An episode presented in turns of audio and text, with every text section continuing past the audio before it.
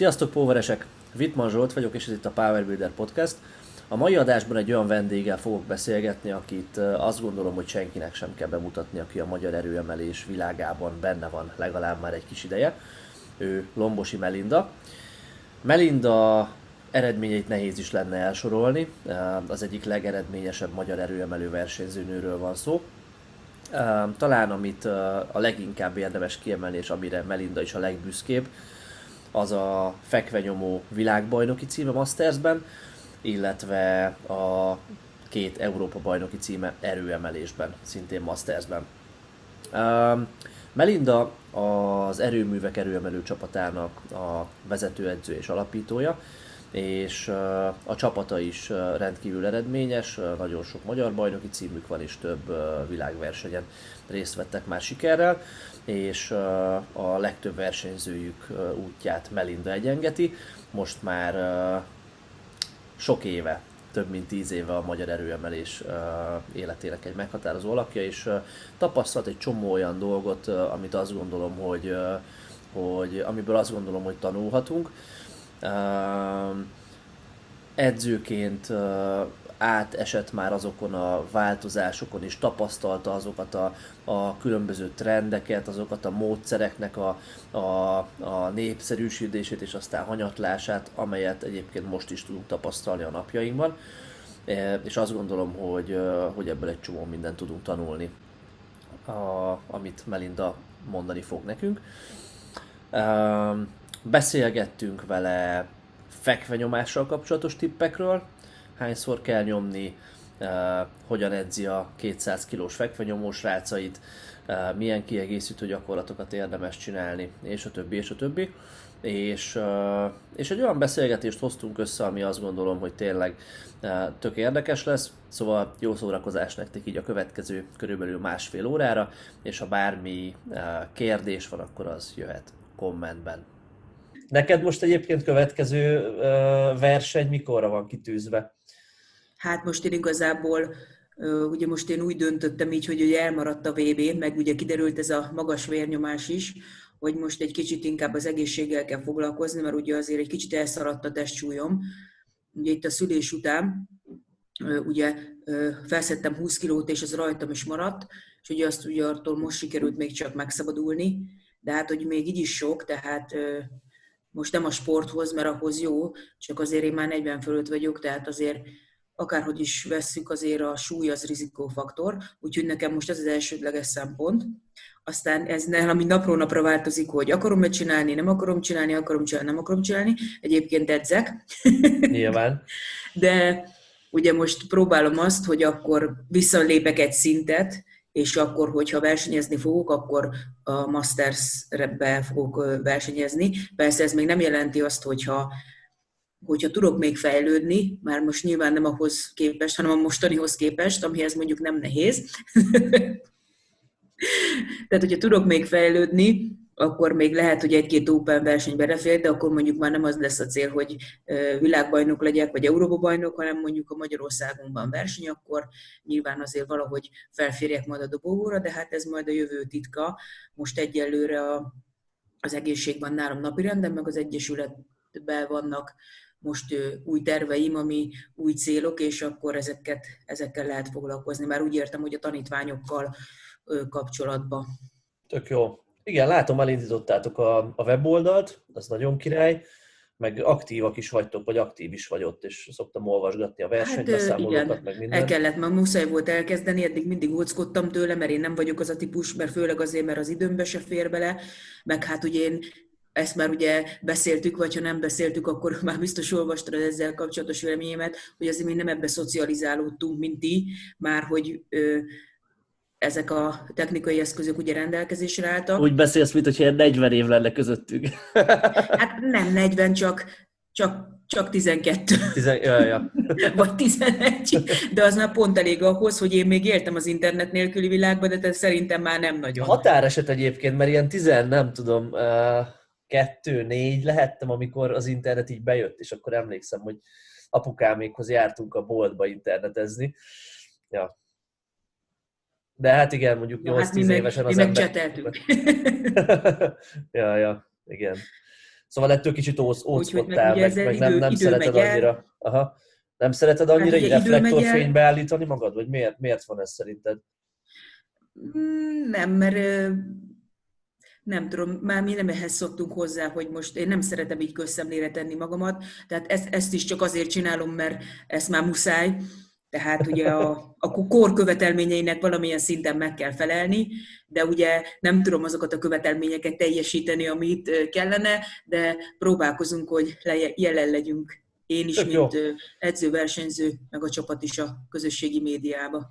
Tök jó. Én amúgy nagyon szívesen olvasnék tőled is ilyen edzéssel kapcsolatos dolgokat, meg ilyesmi, mert nagyon kíváncsi vagyok, mert nyilván... Na, renget, lesz a következő. Rengeteg mindent tapasztaltál, és rengeteg mindenen átmentél te is, meg tanítványokkal, saját magaddal, és na, úgy, úgy, úgy rólatok, pont a, az edző kollégáimmal beszéltünk erről így valamelyik nap, amikor mondtam, hogy a Melindával fog podcastolni, hogy úgy, rólatok úgy, úgy nem lehet nagyon tudni ilyen szempontból semmit, hogy hogy edzetek, hogy készültök, milyen edzés filozófia, ilyesmi, csak tudjuk, hogy erőművesek, és igazából tudjuk, hogy ott nagyon sok ember te készítesz, de tényleg, hogy pontosan hogyan vélekedtek a dolgokról, azt csak ilyen videókból lehet látni, hogy ki hogy edz, most ő nehéz egyekre megy, most a másik inkább szériázik, meg ilyesmi, és tudod, ilyenkor próbálja az ember összerakni fejbe, hogy a Melinda hogy Hát te megkérdezhetted volna eddig is. Ja, persze, hát most jött el az ideje, azt hiszem.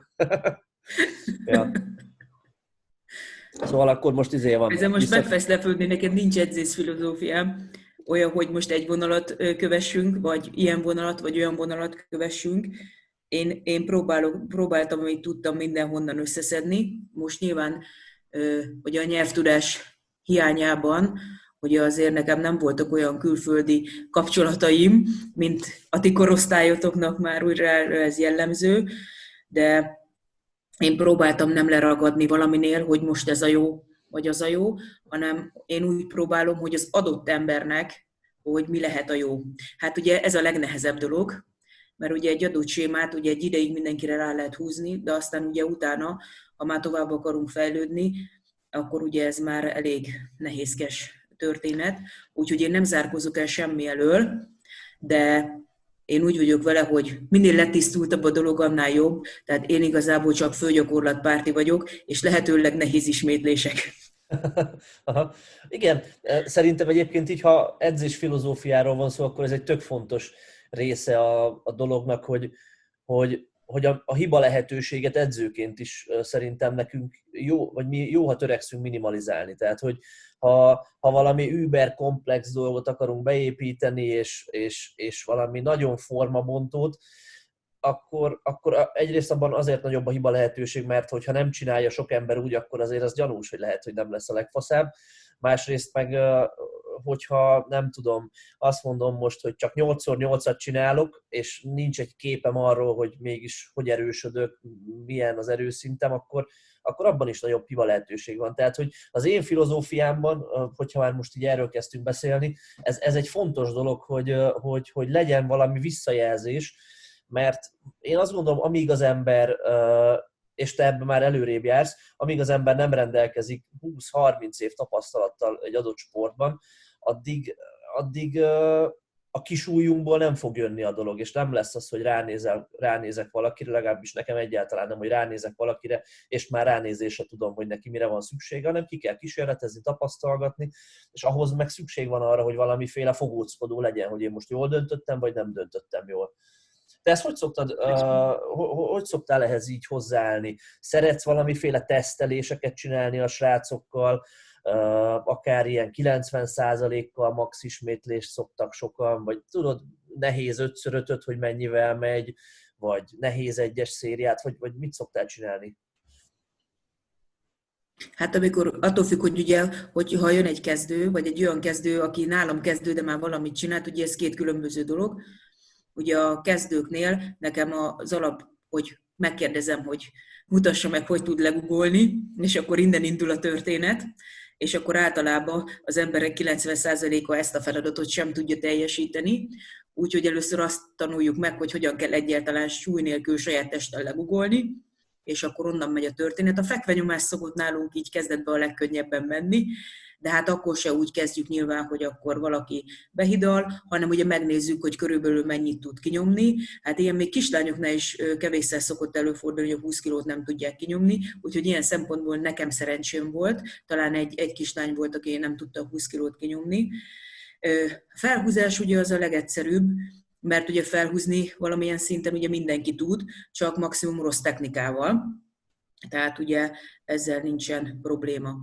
Úgyhogy nálunk a kezdőknél én ezt megnézem egyébként ezeket az alapgyakorlatokat, hogy hogy megy, és akkor elkezdjük. Nyilván a kezdőknek azoknak sokkal több a kiegészítő gyakorlat, Uh-huh. Ugye megnézzük, ugye, hogy mik azok az izomcsoportok, amik nagyobb fejlesztést igényelnek, vagy illetve, hogy miben van hátránya, miben van előnye, de ilyen konkrét olyan, hogy most FMS, vagy ilyen mozgásszűrést nem szoktam alkalmazni, hanem így folyamatosan nézem, és akkor folyamatosan változtatjuk, hogyha szükséges. Hát az, Sok, azokkal... bocs, bocs, bocs, bocs, ezzel kapcsolatban vagy kérdezzek már bele, hogyha már szóba hoztad. Sok olyat látsz, hogy mobilitás miatt nem tud az ember egy gyakorlatot végrehajtani? Vagy, vagy inkább a technika a szűk keresztmetszet azok között, akik, akik hát, ez egy jó kérdés, mind a kettő, de sokszor inkább a, a technika. Tehát az, hogy, hogy, hogy még nincsen mozgásképe az embernek arról, hogy ugye hogy kellene azt a googolást egyáltalán végrehajtani. Tehát nekem például, én ezért is nem szeretem annyira ezt a online dolgot, mert én azt szeretem, hogyha folyamatosan tudom ugye felügyelni a, a tanítványt, és például ugye nem régiben futottam, futottunk bele pont abba az egyik tanítványommal, hogy ö, már eljutott egy bizonyos szintig, rondán googolva, ö, és akkor utána azt mondtam, hogy na jó, akkor most újra kezdjük az egészet, és akkor nulláról elkezdtük újra, mert egyszerűen annyira ronda volt, hogy mondom, én ezt nem engedhetem meg, hogy egy fiatal ö, ugye itt tanuljon meg googolni, mert ugye az hosszú távon biztos, hogy sérüléshez fog vezetni, illetve ahhoz, hogy nem fog tudni majd tovább fejlődni. Igen. Ezt egyébként én is észrevettem már elég sokszor, hogyha kialakul egy olyan, olyan uh, rossz beidegződés az adott gyakorlatnál, akkor simán lehet az, hogy, uh, hogy tényleg ez áll az erősödés útjában hosszú távon. Én, én googolásnál uh, talán a, a túlzott belezuhanást az alján szoktam látni ilyennek. Uh, nem tudom, uh, neked, te, te mit látsz fekvenyomásnál? Mm, ott még azt mondom, hogy ilyen kitárt könyökkel, ilyen gyúrósan is lehet valameddig erősödni, de azért az is megáll egy, egy idő után. Felhúzásnál meg egyértelműen a görbe hátat. Mert, mert, ja, ennyi, igen. igen. Ne, ne, te is hasonlókat mondanál? Vagy valamit még igen. gyakran észre szoktál venni? Én hát a googolásnál ugye még sok minden szokott lenni, ugye googolásnál még ugye stabilitási problémák, hogy dülöngégy jobbra-balra, ugye a térd, hogy ugye nem megfelelően mozog, ugye nem kifelé megy. Nyilván ugye a felállásnál ugye befelé menő tért, ugye ezeken is ö, dolgozunk. Persze tudjuk, hogy világklasszikusok is googolnak így, de azért, hogyha nem muszáj, akkor ezt ö, nem erőltetem, de hát nálunk is van, mert te is tudod, olyan, olyan több olyan, aki így googol, de hát most már ez valószínűleg így is marad, mert már nem tudom kiütni, de hála jó Istennek ugye ez csak nagyobb súlytnál jön elő, felhúzásnál a, tényleg alapvető probléma ugye a, a felsőháti görbület, vagy az alsóháti. A felsőhát ugye az még annyira nem nagy probléma, az alsóháti ugye az az igazi probléma, mert aztán azt tud később problémákat okozni. Nálunk is sajnos van, akinek ezt egyszerűen több év alatt nem tudtam megtanítani, mert egyszerűen valahogy, valahogy nem veszi be az idegrendszere, pedig sokat dolgozunk rajta, vagy hát nagy súlynál jön elő. És akkor na jó, azt mondom, hogy jó, az a nagy súly egyszer-kétszer belefér, hogy mondjuk versenyen, vagy egy verseny felkészülésben, amikor nagy súlyra megy, megcsinálja, de különben akkor csak kis súlya edz. Aha. Addig, ameddig a technikát meg nem tanulja. Most tök érdekes egyébként, uh, ahogy beszélsz róla, mert az jut eszembe, hogy az is egy nagy kérdés így edzőként, meg egyébként szerintem sportolóként is, hogyha valaki a saját maga edzője, hogy, hogy mennyire ragaszkodjunk egy, egy ideális formához, ami a fejünkben van, mert szerintem hát te rengeteg gyakorlatot láttál már, rengeteg nagyon szépen végzett gyakorlatot világversenyeken, amikor ott voltál személyesen, ami pótolhatat, vagy az, az nem lehet helyettesíteni mással szerintem azt, hogy az ember a, az elitet látja, hogy hogy dolgozik rengeteget láttál edzőteremben, meg mindenhol, és nyilván te is sokfélét láttál. Láttál olyan googolást, amikor széles terpezbe kicsit beesnek a térdek, olyat, amikor az oroszok szoktak így googolni, nem? Hogy ilyen nagyon lassan mennek le, és akkor szól az edző, hogy most fölverre, meg volt a mélység, meg olyat is láttál, aki belezuhan az alján, és pattan föl, hogy, hogy, hogy végül is sokféleképpen tudnak erősek lenni az emberek, és edzőként viszont nem mondhatjuk azt, hogy hát igazából csináld, hogy kényelmes, és aztán majd meglátjuk, mert az nem egy, nem egy elég instrukció. Szóval én edzőként egy picit az elmúlt hét évben egy kicsit így pattogtam ide-oda, hogy nagyon rá akartam erőszakolni az emberre egy ideális egy számom, egy általam ideálisnak vélt technikát, aztán meg kicsit elmentem inkább abba az irányba, hogy jó, hogyha neked így kényelmes, és nem olyan csúnya, és nem fáj semmit, akkor csináljuk így, és valahogy így a kettő között próbálom az egyensúlyt megtalálni. Te erről így mit gondolsz? Hát körülbelül ugyanezt, hogy az elején ugye engem is elvitt, hogy az a dolog, hogy főleg, hogyha volt valaki, aki gyorsan fejlődött, erre most tudok is példát mondani, akkor inkább úgy kezdem, hogy ha, ha tudnánk azt, hogy Józsika lejön a terembe, és ő elkezd most edzeni, és nyolc évig mondjuk legalább dolgozhatsz rajta, akkor Józsikának két évig csak technikát fogsz tanítani. De két év után nem, hogy már nem technikát fogsz neki tanítani, hanem valószínűleg semmit, mert ugye az én tapasztalataim azok, nem tudom, hogy a nálatok milyen, de ugye nálam ugye mindenki versenyzik, és ugye nem egy versenyen indulunk, hanem sok, sok versenyen, hogy két év után már eltűnnek. Tehát ugye itt jön az a dilemma, hogy most vagy megtanítod normálisan, vagy egy bizonyos szintig, vagy, vagy, vagy azért hadsz egy kis fort magadnak, hogyha azt akarod, hogy jól, jól teljesítsen. Én azért már futottam bele ebbe többször, hogy, hogy hát, hogy nem sikerült mondjuk gyönyörű technikával végrehajtani, de mondjuk mégis ifjúsági Európa bajnok lett a, az illető hölgy, és pontosan kettő és fél évig csinálta a versenyzést. Tehát ha most két évig technikát tanítok neki, akkor valószínűleg, hogy nem értük volna ezek, ezeket az eredményeket ugye el. De nekem erről az a véleményem, hogy igenis meg kell követelni a, azt a technikai végrehajtást, ami nem káros az egészségére, mondjuk az embernek az edzéselméleti és a tapasztalatai tudás, tapasztalati tudás alapján, de minden ember más, és ezt el kell tudni fogadni. Tehát az, hogyha valaki úgy akar googolni, vagy ő neki úgy kell kényelmesebb, hogy a nyakában van a súly, valakinek meg a háta közepén, nyilván most én eltúzó példákat mondok, akkor én nem fogom neki azt mondani, hogy, hogy, hogy de ott, ott, ott jó, hogyha a közepén van, vagy egy kicsit lejjebb, mert hogyha följebb van, akkor nem tudsz akkorát googolni, meg ugye sokan vannak, akik hátból googolnak, de hát annak, ha a valakinek a háta az erősebb, akkor én most miért, miért erőltessem azt, hogy a, hogy a lába legyen a dominánsabb ebbe a, tő, a fölállásba nyilván.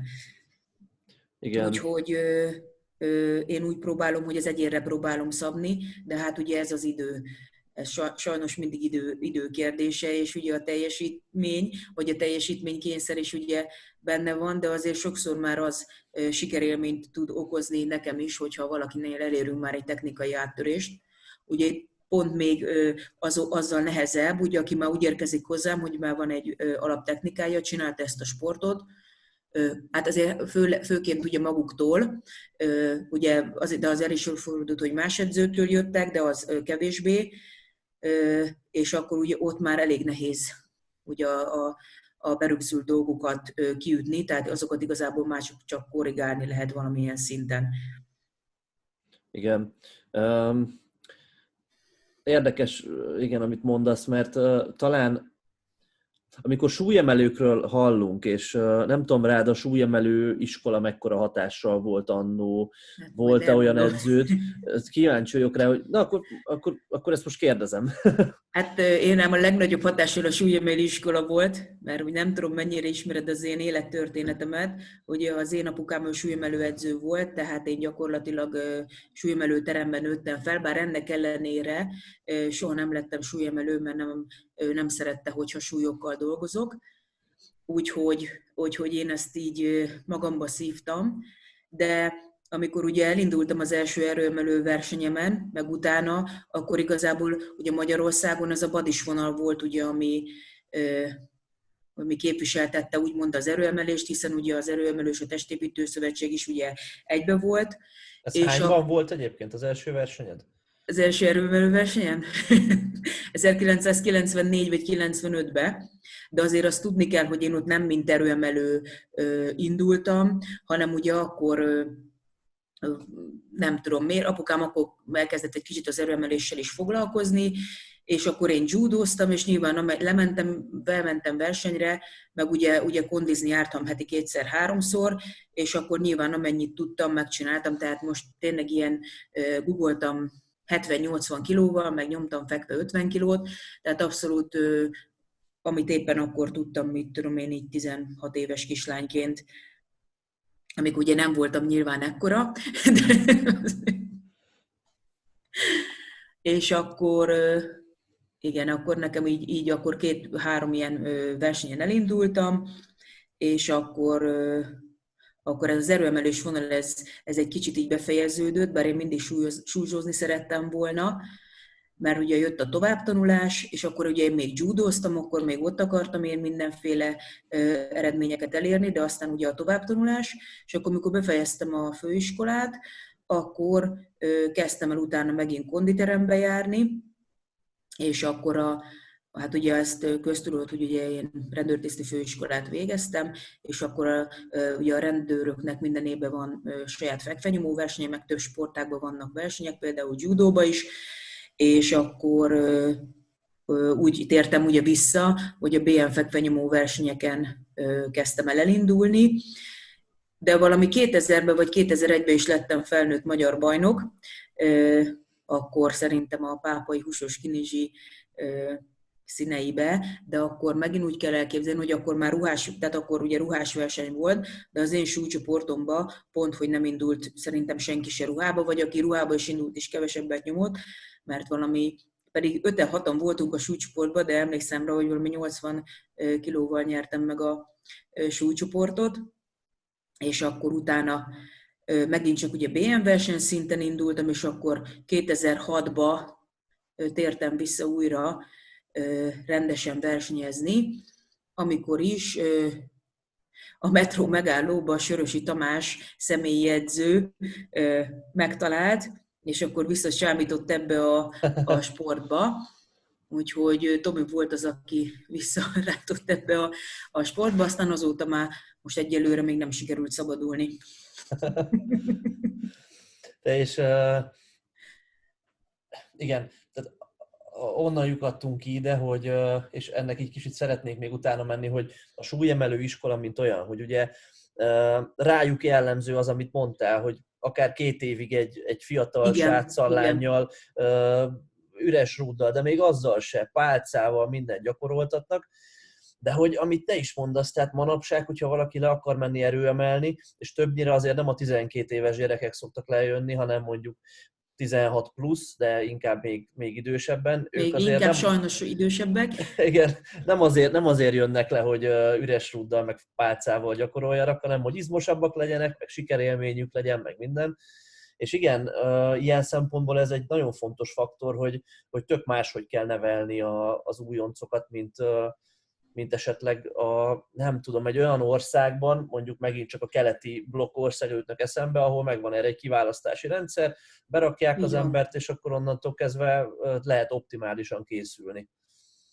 Hát igen, sajnos ugye ez a sportágnak a, az elismertségéből, vagy hát most ezért ne kövezzenek meg, vagy elismertlen, elismertelenségéből fakad, vagy hogy sokan azt se tudják, hogy mi az, hogy erőemelés, mert hogyha erőemelésről beszélünk, akkor még a sportolósi rendelőben is azt hiszik, hogy a súlyt kell a fejed fölé nyomni. Tehát igazából most nehogy megsértődjön ezen egy sportorvos se, de én azt gondolom, hogy a sportorvosok zöme nem ismeri azt, hogy mi az, hogy erőemelés, mint sportágat.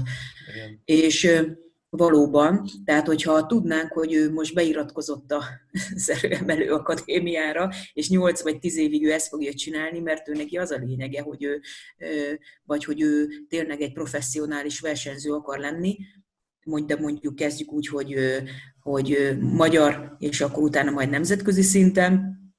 Ha tényleg tudnánk, hogy ez egy 8-10 éves ciklus, akkor én biztos, hogy egy-két évig csak a technikát tanítanám, és súlyemelő alapokra építkezve. Aha, Nyilván aha. az erőemelésnek az alapjai és a súlyemelésnek a, a, az alapjait tanítanám. De hát sajnos ez még egyelőre csak álom, úgyhogy így kénytelenek vagyunk azoknak a követelményeknek megfelelni, meg azoknak a, az elvárásoknak, amit mondjuk a paciensek támasztanak, akik lejönnek edzeni, és ugye, hogy ők elmondják, hogy mi a céljuk. Bár ugye, hát vagyunk úgy, hogy sokan ugye ezt nem tudják, csak én tudom. Tehát ugye nekem tényleg van ehhez szemem, és ez, ehhez szerintem, ez nem, szerintem inkább ez ilyen öröklött apukámtól, tehát hogy tehát körülbelül az utca, volt olyan időszak, hogy az utcán láttam, ó, te jó, ez te jó fekvenyomó lenne, ó, ez milyen jó tudna ugorni. De ilyen... Igen. Ha... De erről is van egy sztori, hogy aztán egyszer engem is leszólítottak, vagy hát többször is, hogy hú, menjek szkanderozni. Hát azt mondtam, hogy nem megyek, mert én már erőemelő vagyok, és mondom, a bicepszem az pont nem erős meg az alkarom, úgyhogy inkább maradnék az erőemelésnél ez egy ilyen visszatérő motivum, nem, hogy szkanderozni akar kihívni mindenki az egy erőemelőt, vagy egy testépítőt is valószínűleg. Igen, igen, igen, igen. igen. Nekem a skander az, ami valahogy olyan szinten távol állt mindig tőlem, hogy azt én nem leszólva abszolút a skanderosokat, mert hát na, miért szólnék, szólnék le bárkit, de hogy, hogy az valahogy nekem nagyon távol állt mindig tőlem, ez a sport. Valószínűleg azért, mert gyenge a szorításom egyébként, és biztos, hogy nem is lennék benne jó. ja. Um, hát igen, igen, igen, velem igen. is próbálkoztak, mondom többször, de uh, úgy maradtam, hogy nem. De azért fiúk mindig szkanderozni akartak velem a kocsmába. Nyilván. Igen. Um, az jutott eszembe, hogy, hogy te azért, na, nem is így kezdem. Úgy kezdem, hogy én most talán 6-7 éve, inkább hatot mondanék, hogy, hogy valamennyire így benne vagyok az erőemelő életben, és az elején még nyilván alig-alig, éppen csak így kívülről szemlélve, de már ez alatt is nagyon brutál látni azt, hogy mekkora fejlődésen ment keresztül a sport, hogy te mit látsz? Mi, mi, szerinted mi, te mennyire vagy elégedett azzal, ahogy a sport fejlődik, akár itthon, bár nem akarok én most rálépni semmi aknamezőre, akár itthon, akár, akár külföldön, hogy, hogy ennél lehetne jobb, vagy te többet várnál, vagy, vagy, vagy téged meglep ez, hogy ekkorát fejlődött az erőemelés, és ennyit népszerűsödött, vagy mibe látnád az előrelépést még, vagy mit tapasztalsz te ezzel kapcsolatban, mit tapasztaltál? Akkor kezdjük a nemzetközivel, csak hogy tereljem a témát. Ugye Ugye azt a tudod, tehát nyilván nagyon jól tudod, hogy ugye erőemelésben ugye a ruhás vagy ekipped erőemelés volt, ugye, ami ugye nemzetközileg elfogadott volt, és talán 2012-ben volt az első klasszik VB, ami ugye nem VB volt, hanem világkupa. Hát ugye én ezen a versenyen egyébként részt vehettem, úgyhogy én, én nagyon örülök, hogy én az első klasszik erőemelő világbajnokságon részt vehettem. Hát ugye én azt gondolom, hogy, és az elmes tényleg megint ne sértődjön meg senki, hogy a ruhással nekünk több problémánk is volt. Az első probléma ugye, hogy a ruháknak az ára. Tehát azt így magyaroknak, vagy kelet-európainak úgy saját pénzből megfizetni, az, az nem volt egy egyszerű dolog, mert azért még ma is azért egy férfizetés, egy fekvenyomóruha, vagy egy egész szett, az fél millió forint, hogyha egy ilyen ruhászettet meg akarnánk venni. Azért a nyugat-európaiaknak ugye ezek mindig jobban elérhetőek voltak. A másik, hogy igazából nem volt ehhez tudás, hogy egyszerűen a ruhát hogy kell használni. Ugye mi használtuk úgy a ruhát, hogy fölvettük, aztán nyomtál benne. Tehát ugye ez így kezdődött, tudtál benne nyomni, tudtál, ha nem tudtál, akkor vettél másik ruhát, vagy, vagy aztán valahogyan füstölted, aztán nyomtál benne. Hát a Google ruháról, meg a felhúzó ruháról én személyes tapasztalataimban nem tudok nyilatkozni, mert hála jó Istennek én egyiket sem használtam, de hát tanítványaim használták, és azért én még mindig, mindig sajnálom őket azokba a Google ruhákba. És akkor ugye ez volt szerintem itt a nemzetközi mezőnyben, hogy igazából azért mi nem voltunk ott ruhásban, most nyilván egy-két embert eltekintve, erőemelésről beszélek, nem fekvenyomásba, mert fekvenyomásban ott voltunk, a férfiak is, nők is az elmúlt 20 évben, most ezt nem kezdem el ö, sorolgatni, ugye jó magam még ugye tavaly is ö, ruháztam, és ö, ö, ugye, ahogy mondtam, ugye 2012-től ugye jött be a, a klasszikus erőemelés, és talán 2015-ben volt az első, az első VB fekvenyomó, vagy 2014-ben. És ugye az első évek mindegyikben ilyen lukas, igazából ilyen lukas volt, tehát látszott, hogy, hogy még annyira nem hiszik el ezt, hogy itt lesz ez a klasszikus dolog.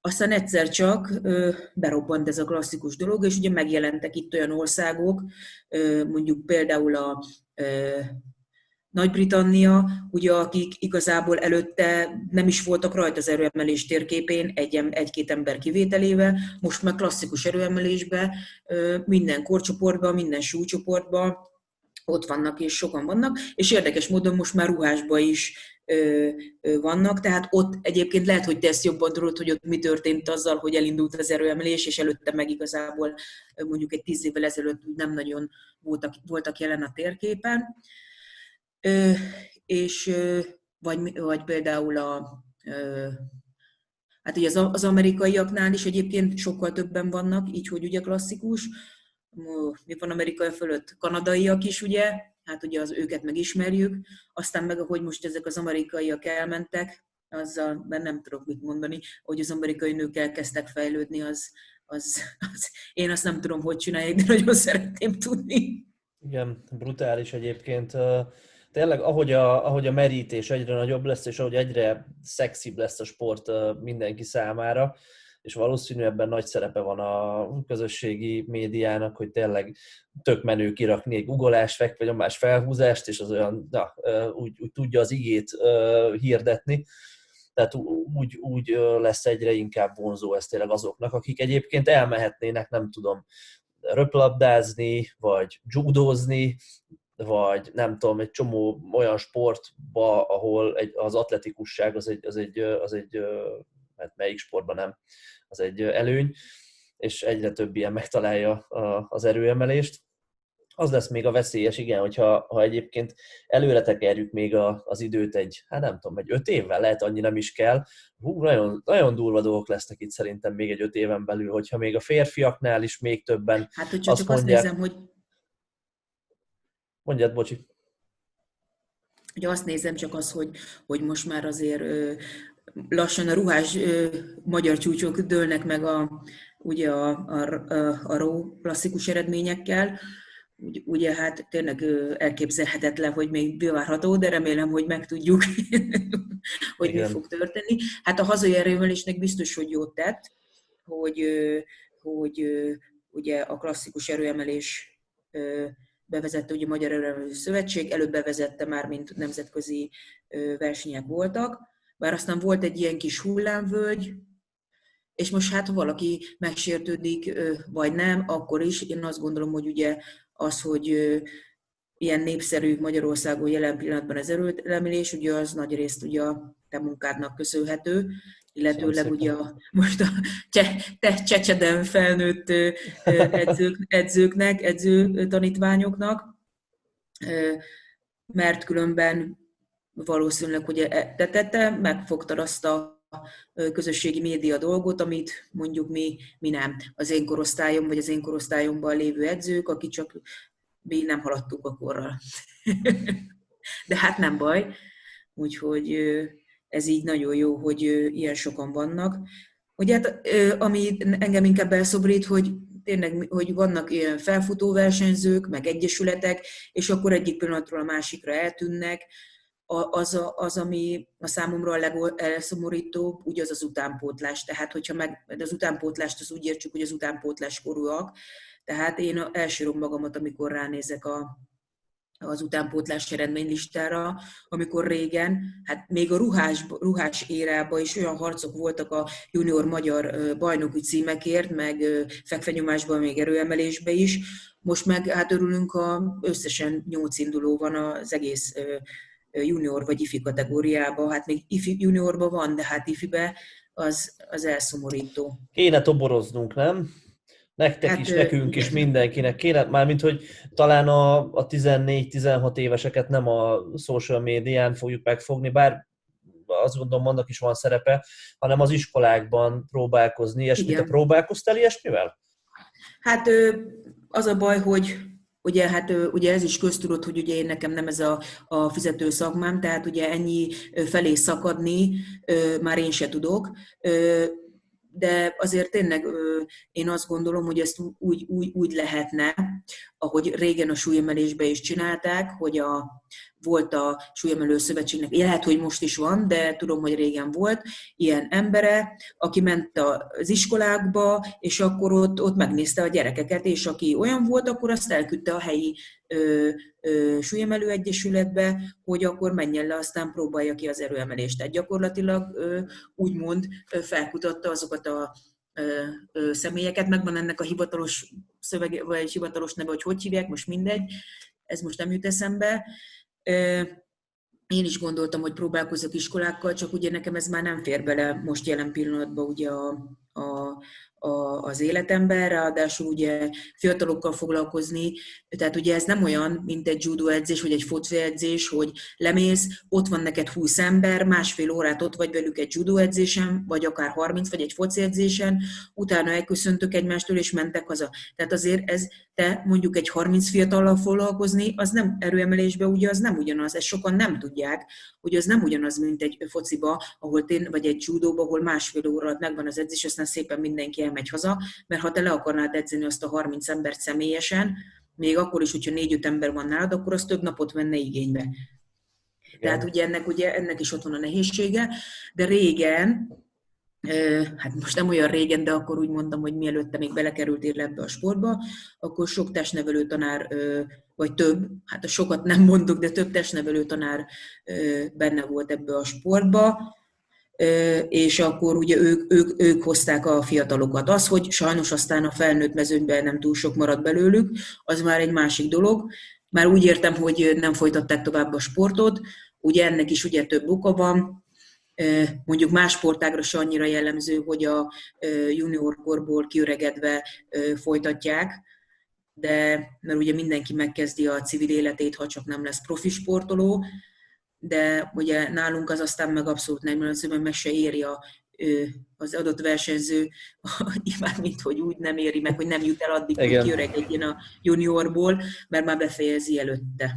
Igen, igen. Nem tudom, a... ez, egy, ez, egy, ez, egy külön, ez egy külön témát érne meg ez a dolog, hogy, hogy, hogy, hogy nincs utánpótlás. Tehát most az, hogy több Masters versenyző van egy korosztályos erőemelő vagy fekvenyomó magyar bajnokságon, amit már megírtam, csak még nem tettem fel blogot, az azért egy kicsit szem, engem elszomorít. Igen, igen, ezen, ezen nekünk kellene változtatni igazából elsősorban, vagy hát az edzőknek Magyarországon, a kluboknak, ki hogy tud, de valószínű, hogy ez a mi feladatunk lesz, mert valószínű, hogy mástól nem várhatjuk azt, hogy változás hát ezen a téren. Van, csak ugye, mint, mint mondtam, ugye végesek a forrásaink, és ugye a legtöbb legtöbb, mármint hogy az időforrásaink, és ugye a legtöbb erőemelő edző, ugye, ugye mindenkinek van más munkája, tehát ugye nyilván így a, az idő, ugye az véges, mint ahogy ezt már ismételgetem magamat Abszolút. folyamatosan ezzel, hogy igen. az idő véges. Igen, hát igen, valami össze, valami szövetségileg nagyobb szerveződésben összefogás jó lenne. Ebből a svédek jutottak eszembe. Ott a a, segédedzőjük, az Oscar Björk egy podcastban mondta, hogy náluk van, van ilyen, vannak ilyen szakemberek, akiket te is említettél, akik felkutatják a tehetségeket, nem feltétlen csak mondjuk középiskolában, de ott is, hanem ilyen edzőtermekben, ilyesmi, és, és, és most már a, hát azért ők erősek a svédek, és ennek a, az erős mostani generációnak, meg ők már azért erősek egy ideje, de hogy a mostani generációból nagyon sokan vannak a, az élversenyzőik közül olyanok, akiket így találtak így toboroztak középiskolás korban, és aztán lett belőle három év múlva, vagy négy év múlva már egy, már egy nagyon erős junior versenyző, aki nagyon erős felnőtt versenyző lesz majd annak idején.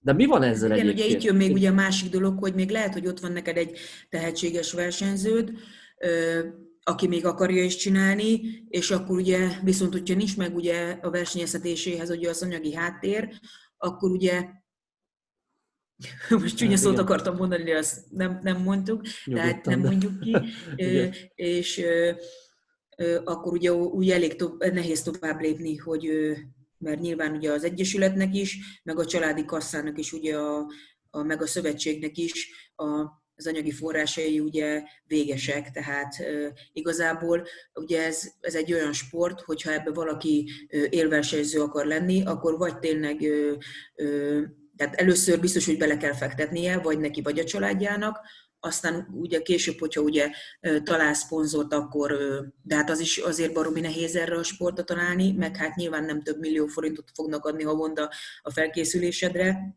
hanem de. maximum éppen annyit, hogy egy versenyre ki tudjál utazni, meg igazából ugye sok ember úgy van vele, hogy ő, ő nem akar kuncsorogni, hogy neki támogatást adjanak, de hát ugye ez is a mai világnak a velejárója, ugyanúgy, mint a közösségi média, hogy ez sajnos ez hozza Meg kell magával. Igen, de igazából ez minden sportra igaz lehet, nem? Tehát, hogy, hogy, hogy nincs, tehát az erőemelésnél sok drágább sport van, olcsóbb is néhány, de hogy, hogy, hogy a fő faktor, hogyha valaki nemzetközi szintű versenyző akar lenni, az az, az utazás lesz, igaz?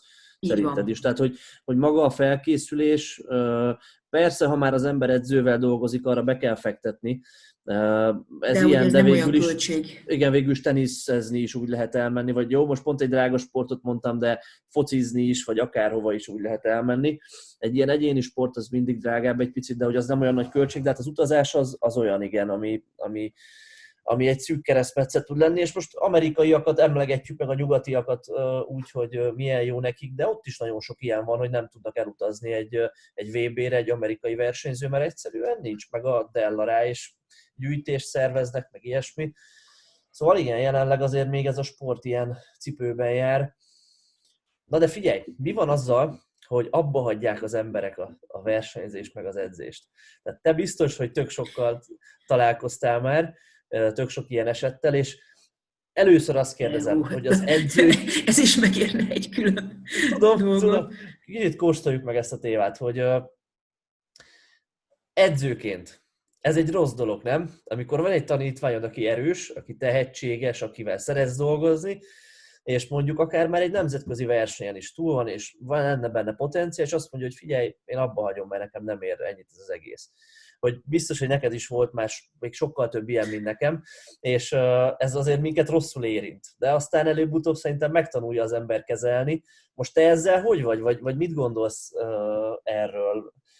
Miért van ez, hogy, hogy, hogy abba, hagyják, hogy abba hagynak emberek egy olyan sportot, amit előtte szerettek, vagy akár az erőemelést miért hagyják ki konkrétan abba, milyen példákat láttál te ezt, hogy kezeled, hogy kommunikálod az emberekkel, jó ez egyáltalán, mert szerintem van olyan is, hogy jó, amikor az ember abba hagy egy olyan dolgot, amit egyébként ő nem szeret annyira csinálni, Hát, hogyha nem szereti csinálni, akkor ne csinálja. Tehát ugye pont ma néztem meg azt a videómat, amit a VB után forgattak velem, és ugye én, én nekem ugye most jelenleg, ugye már az eltő, eltelt idő tekintetében, ugye az a véleményem, hogy ezt a sportot mindenki addig csinálja, ameddig úgy gondolja, hogy szeretné csinálni.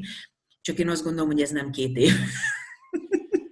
De mi az, hogy szeretnéd? De hát ugye... Most nagyon sokfélét kérdeztem meg minden, de most ezt hogy kérdezem meg, hogy mi az, hogy szeretnéd csinálni? Tehát, hogy én amikor erről beszélgetek a tanítványaimmal, mert szerintem ez egy nagyon fontos téma, tehát, hogy nem, nem csak arról kell nyilván edzőként beszélni, hogy hányszor hányat csináljon, hanem hogy miért csinálod ezt baszki, és hogy Akkor mennyi mondok egy példát. bele, hogy, hogy, hogy, hogy érted, hogy a, mi, mi az, hogy szereti valaki? Mert nekem sokszor azt mondják, hogy én szeretem, de egyébként meg ez egy killódás, amit csinálunk. És akkor nekem ott van a fejemben, hogy basszus, hát azért csak nem killódás, mert hát én legalábbis nem úgy élem meg, mint killódás. Sokszor nyilván igen, és van olyan, hogy nincs kedvem lemenni edzeni, de összességében azért egy pozitív dolog. De van, akit meg az motivál mondjuk, hogy célokat érjen el, és ilyesmi, és akkor összeszorított fogakkal dolgozok azért, hogy azt elérjem. Igen. Hát ugye itt is én is különböző lépcsőfokokat jártam be, mert ugye amikor elkezdtük, mint erőművekese 2011-ben, ugye nekem előtte is voltak tanítványom, de nyilván ugye nem olyan szinten, meg. Végül is igazából én 14 éves korom óta idézőjelbe edzősködök, vagy részt veszek edzői tevékenységbe, és de hogy csak térjünk az erőemelésre, hogy de igazából ez jellemző volt a többire is, hogy, hogy azok az én, én azt tapasztaltam, hogy azok a, az emberek, akik úgy jöttek hozzám, hogy lehet, hogy már junior korú, korúak voltak, és most ugye, hát megemlíthetem ezt a két embert, az Olajos Tündét és a Magyar Edinát, tehát ők tíz éve csinálják ezt a sportot, tíz éve, ruhásba, nem ruhásba, fekvenyomásba, tehát igazából szerintem a legtöbb versenyen részt vettek, talán egy-két verseny volt, ahol nem vettek részt, de ugye ők úgy jöttek, hogy nekik volt egy sportmúltjuk. Tehát mind a ketten az atlétikából jöttek, most nyilván nem, volt nekik, nem nyilván, de ugye nem voltak olyan kimagasló eredményeik, hogy országos szinten, vagy esetleg nemzetközi szintre, de ugye a, napjaiknak része volt, vagy a mindennapjainak része volt a sport.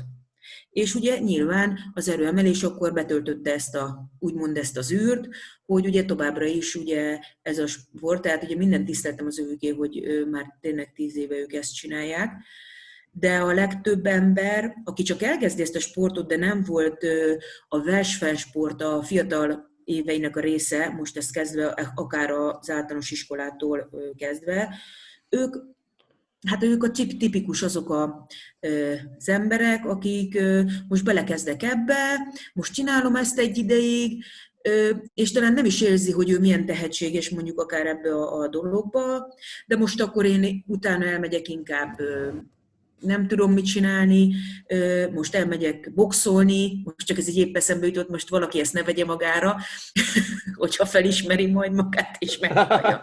De most utána akkor inkább elmegyek jogázni, pedig az illető, aki most itt magára ismerhetne, az egy tehetséges parafekvenyomó lehetett volna, hogyha ő benne megvan az a, az a késztetés, hogy, hogy ezt csinálja tovább, csak hát hogyha ő nem akarja, akkor te nem csinálhatod helyette tovább, tehát de mi az az akarás Nehéz egyébként? kérdések. Mi, Ugye mi az az akarás? is lemorzsolódnak Persze. Tehát más sportban is lemorzsolódnak, csak ugye mivel, hogy mi nem úgy indulunk, hogy te kezdesz, csak most mondom, 30 diákkal, mint egy foci, fociba vagy egy judóba, és egy év múlva a, még a 30%-a megmarad, mert a többi lemorzsolódik, ez tuti, de akkor az megmarad az a 30%, de ha neked háromból lemorzsolódik a... Ja, ja, ja. valószínűleg a három. Igen, Tehát, valószínűleg, ja meg hát ugye nem is tudják a fiatalok, ugye, hogy mi ez az erőemelés, és ugye nekem is a fiataljaim azok úgy jöttek, hogy valakin keresztül, vagy te, nincs kedved erőemelni, ugye én megkérdeztem tőle, tehát azt se tudták, hogy, azt se tudták ugye, hogy mi az. Hát elkezdték, aztán utána meg ugye jön a bulikorszak is, ugye, tehát ugye Nyilván ezt a kettőt lehet együtt is csinálni, csak ugye azért vannak azok a fiatalok, akik inkább akkor elszaladnak a, a másik irányba. A végleteknek Úgyhogy ez, élnek, ez, ez igen. baromi nehéz kérdés. Ez nem csak az erőemelésnek a problémája, nyilván ez egy társadalmi probléma, valószínűleg ezt nem mi ketten fogjuk itt ma este ezt a problémát megoldódni, de ugyanállom még ez azért is nehéz kérdés, még én fő, főként csak lányokkal foglalkoztam ugye az elején, és hát ugye én nőként, mint ahogy mondtam, hogy a férfiaknak is vannak hibáik, a nőknek is, főleg az, hogy valaki naív, vagy túl sok szeretetet ad, és akkor ugye, hogyha elveszik, akkor az úgy elég nehéz. Tehát ugye, amikor először engem is ez pofon vágott, hogy gyakorlatilag a gyerekemként szerettem, és akkor egyik napról a másikra ugye eltűnt, akkor utána már próbálod ugye úgy, hogy akkor akkor megtartod azt a távolságot, vagy tudod, hogy majd egyszer el kell engedni. Így, mert hogy gyerekem van, ezt majd nekem is még majd tapasztalni kell. De azt, amikor még valaki baromi tehetséges is, na, az, az, az, az, az tényleg nehéz. És akkor az egyik nap még, fú, menjünk, csináljuk, szerintem valószínűleg te is ezt tapasztaltad, és akkor a követ, mint hogyha elvágták volna, valami történt, és akkor már nem. Hát az én esetemben, mert ugye esetitok, hogy én ugye ezt, amikor elkezdtem, én ezt társadalmi munka címén csináltam főként, tehát nem bevételforrásként, és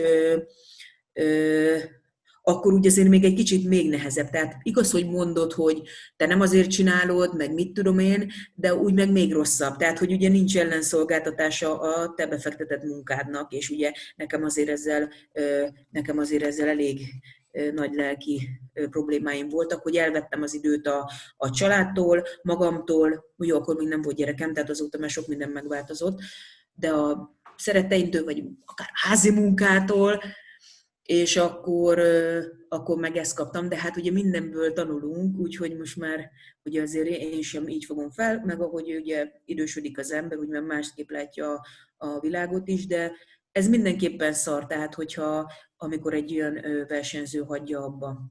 Igen.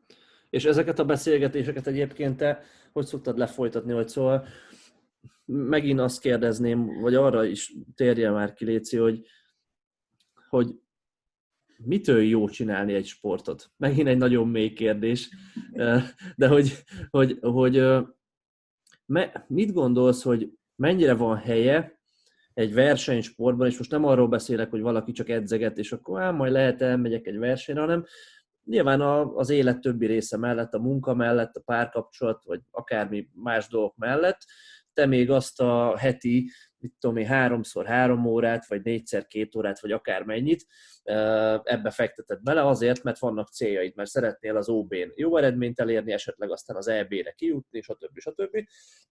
Hogy ebben a folyamatban Szerinted mennyire van helye önmagad megerőszakolásának, és annak, hogy, hogy nincs annyira kedved, de csinálod, vagy az, a, az lenne a jó, és akkor való neked egy sport, neked, mint sportolónak, akkor való az a sport, és akkor találtad meg a te szerelem sportodat, hogyha igazából az esetek 90%-ában ilyen tökre élvezed az edzést, és még ha nincs is annyira kedved lemenni, utána már tök jó lesz, meg ilyesmi, hogy te ezt, ezt hogy látod?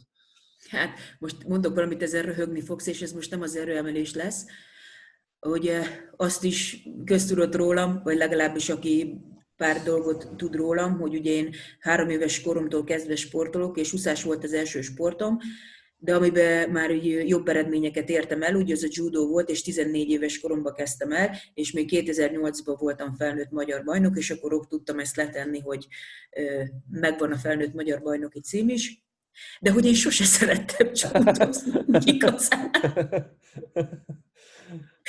Igen, hát szoktak ezzel, igazából úgy judozni szerettem, csak hogy nem szerettem esni. Tehát hogy még a mai napig is utálok esni, és a judóban, pedig a judó az, egy, az egyik legjobb személyiségformáló eszköz, gyerekeknek meg aztán főleg, meg nem csak ugye személyiségformáló, hanem a legjobb erőálló képességfejlesztő. Tudjuk, hogy a második legnagyobb oxigénfelvétellel járó sportág, tehát csak, csak pozitív módot, tehát emberek vannak ismerőseim ugye a Facebookok, aki pont most olvastam, hogy 60 évet csinálja, na hát, és aktívan azért az, az, az nagyon, nagyon elismerésre méltó dolog. Én meg egyébként a súlyzós dologgal voltam így, mert én már, amióta az eszemet tudom, hogy fekvenyomó akarok lenni, és ugye a családi legenda szerint, ami most vagy igaz, vagy nem, ugye 5 éves koromban vagy 6, kinyomtam a 20 kilós súlyt fekve, tehát ugye az, ilyet azért nem mond az ember, hogy amióta az eszét tudja, hogy ja. ő fekvenyomó akar lenni, csak nyilván az, akinek ez a közelébe volt, tehát valamiért a, az edzőterem szaga, az az izzadság szag, az a világ legjobb illata amit lehet érezni, szerintem, de hát most viszont mások ezt máshogy gondolják. Számomra ez, ez tényleg ez, ez, ez olyan dolog.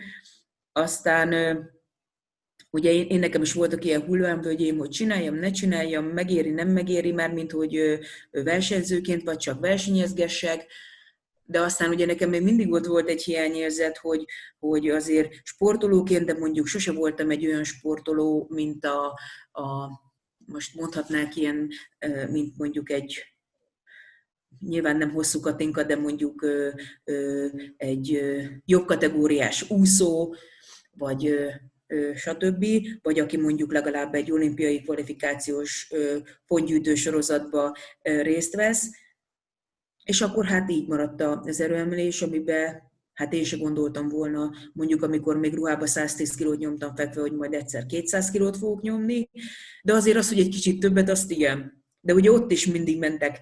Amikor eljutottam a 150 kilóig, akkor 170 kiló lett.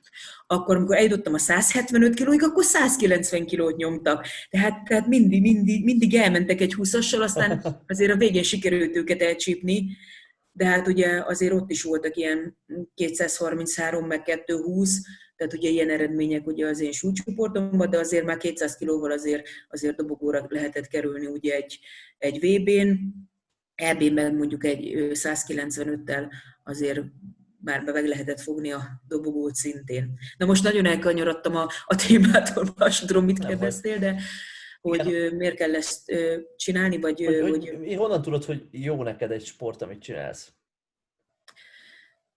Hát szerintem akkor, amikor így, besz, így beszélsz róla, mint a, mint a szerelmedről körülbelül, hogy vele szeretnéd leélni az egész életedet. Volt már neked olyan, hogy sportolódat akár lebeszélted arról, hogy ő ilyen, ilyen így vacilált, hogy jó ez neki, nem jó ez neki, kicsit abba hagyta, aztán kicsit újra kezdte. Volt már olyan, hogy szerinted jó döntést hozott egy sportoló azzal, hogy ő abba hagyta mondjuk az erőemelést? Nem tudnád most ezt így? Mert ne, nekem ez mindig tök érdekes, hogy igazából szerintem mindenki csinálja azt, ami boldoggá teszi őt, és hogyha valaki marha tehetséges az adott sportban, most az nem jelent semmit. Hát, most, hát olyan, életünk... most valakit elküldtem volna úgy, hogy te inkább ne csináld az erőemelést, olyan nem volt. Nem, persze, persze. De olyan volt, hogy e, éppen ezt most csak azért őt hozom fel példának, mert ő most egy közeli dolog, hogy ugye volt olyan, aki vagy most több ilyen példát is tudok, hogy, hogy mit tudom én, derékfájása volt, vagy kiderült, hogy gerincsérve, de már akkor is az volt, amikor ö, oda jött, csak mondjuk nem volt a gerincsérvének ö, ö, tünete, meg hát az sem biztos, hogy a gerincsérvének van, tehát ugye ezt is tudjuk, hogy a gerincsérvének csak 20%-ok okoz tüneteket, stb. stb. ebben most nem mennék bele. És akkor ugye, hogy hát nem csinálhatta az erőemelést, azt hát emiatt nem csinálta. De ugye hát ő, ő majdnem, de ez neki úgy inkább akkor nem csinált semmit, és akkor mondtam neki, hogy hát akkor menjél, akkor aztán kezdjél kondizni, aztán azóta, azóta ott kondizgat. Tehát ennek, ennek így kifejezetten örülök, de ugye ő akarta volna csinálni.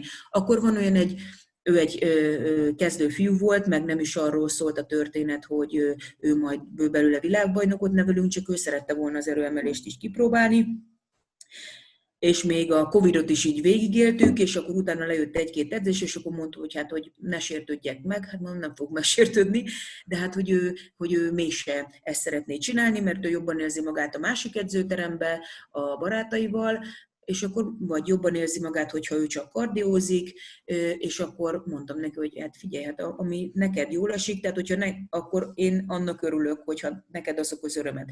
De amikor utána nem fog csinálni semmit az ember, azt kevésbé szeretem, azt is kevésbé szeretem, és ez most lehet, hogy ha lecserélnek, az, az baromi szarul tud esni, de ugye ezt is tudni kell kezelni, mert ilyen is előfordulhat, mert nyilván se Wittmann Zsolt, se Lombos Melinda nem lehet mindenkinek a megmondó embere, bármennyire is szeretnénk.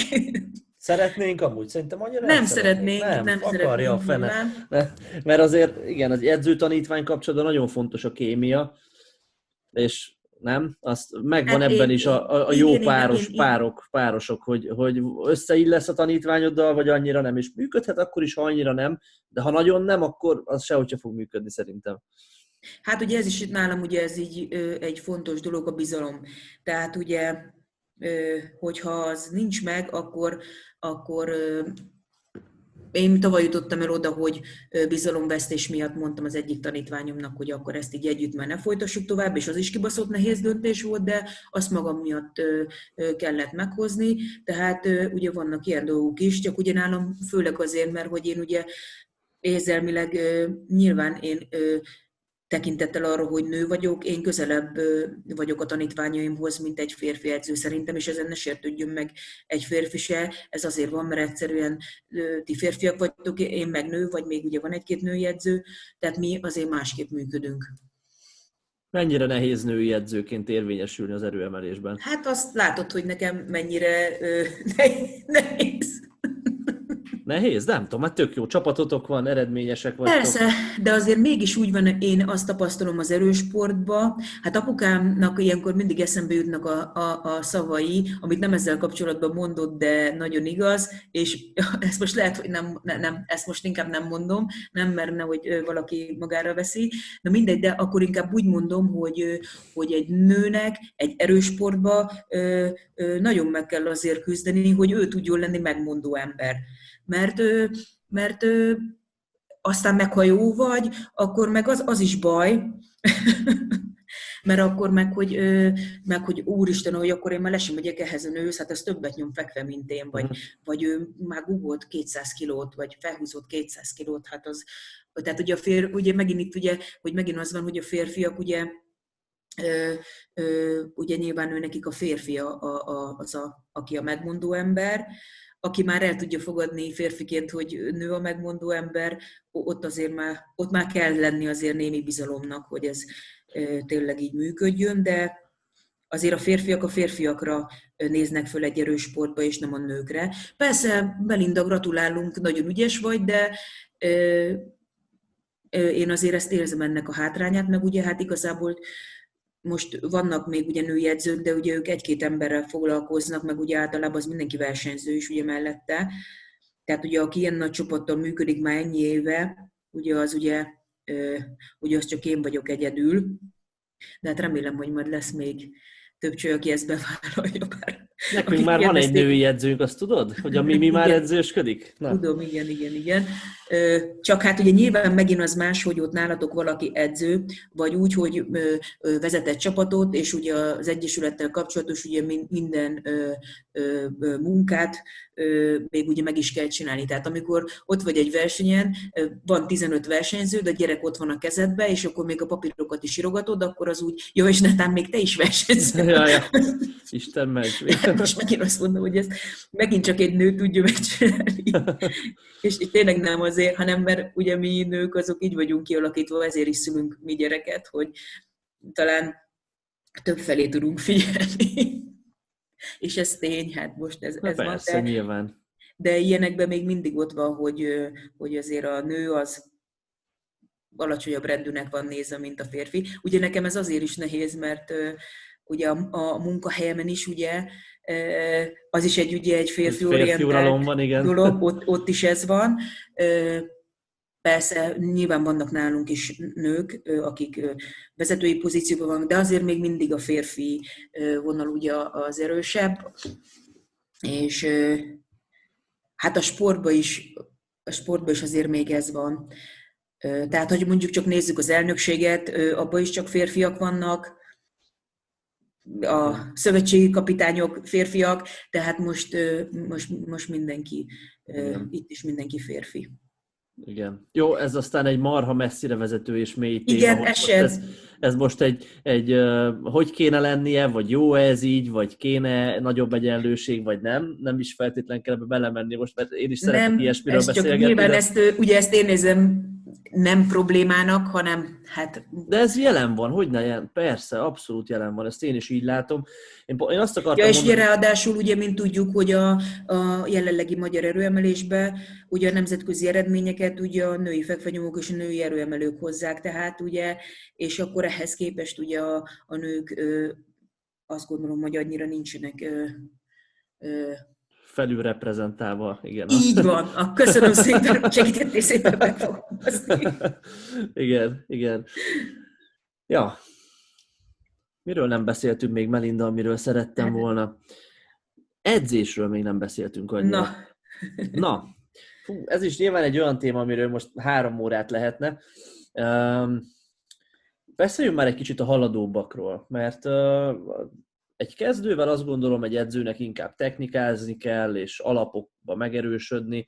Ott olyan nagy edzésprogramozási mutatványokról nem lehet beszélni.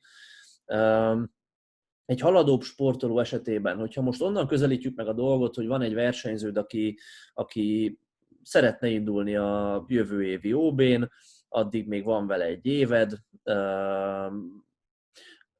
kezdem ott, hogy szereted gyakran versenyeztetni az embereket? Én tudom, hogy igen, de hogy mi, miért szereted gyakran versenyeztetni az embereket?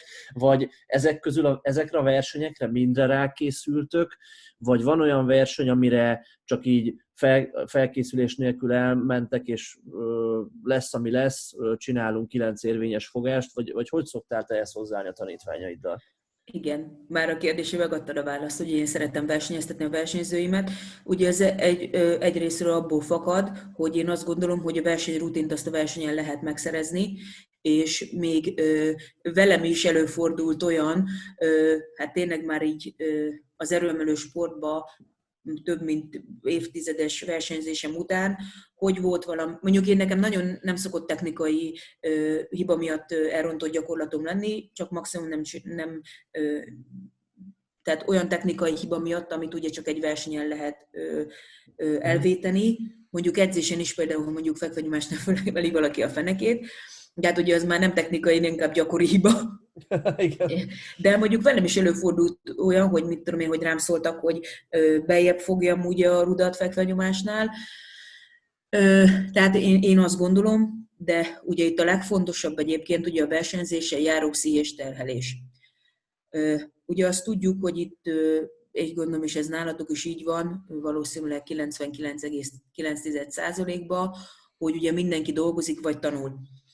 Tehát ugye, ugye mindenkinek megvan egy élete, emellett ugye, a, ugye, amit, ugye a kötelezettségé, amit a munkahelyen vagy a, a az iskolába teljesíteni kell, nyilván mindenkinek vannak az életében egyéb célok is, amiket szeretne elérni, családalapítástól kezdve sok minden, házvásárlás, lakás, tehát nyilván ugye ezek az életnek a veleráró részei. Na és akkor ugye ott jön ez a dolog, hogy még mennyit tud ugye kivenni a, ugye még ez a, az, az, az, az egyénnek a versenyzéséből, illetőleg a versenyekre való felkészüléséből, és azt gondolom, hogy ez, ez még ez, ez a legbefolyásolóbb tényező, hogy a, az edzésen kívüli élete ugye az milyen. Most itt megint belemehetnénk a pihenés, étkezés, táplálékkiegészítés, de a, a szihés terhelés azt gondolom, hogy ez a legfontosabb.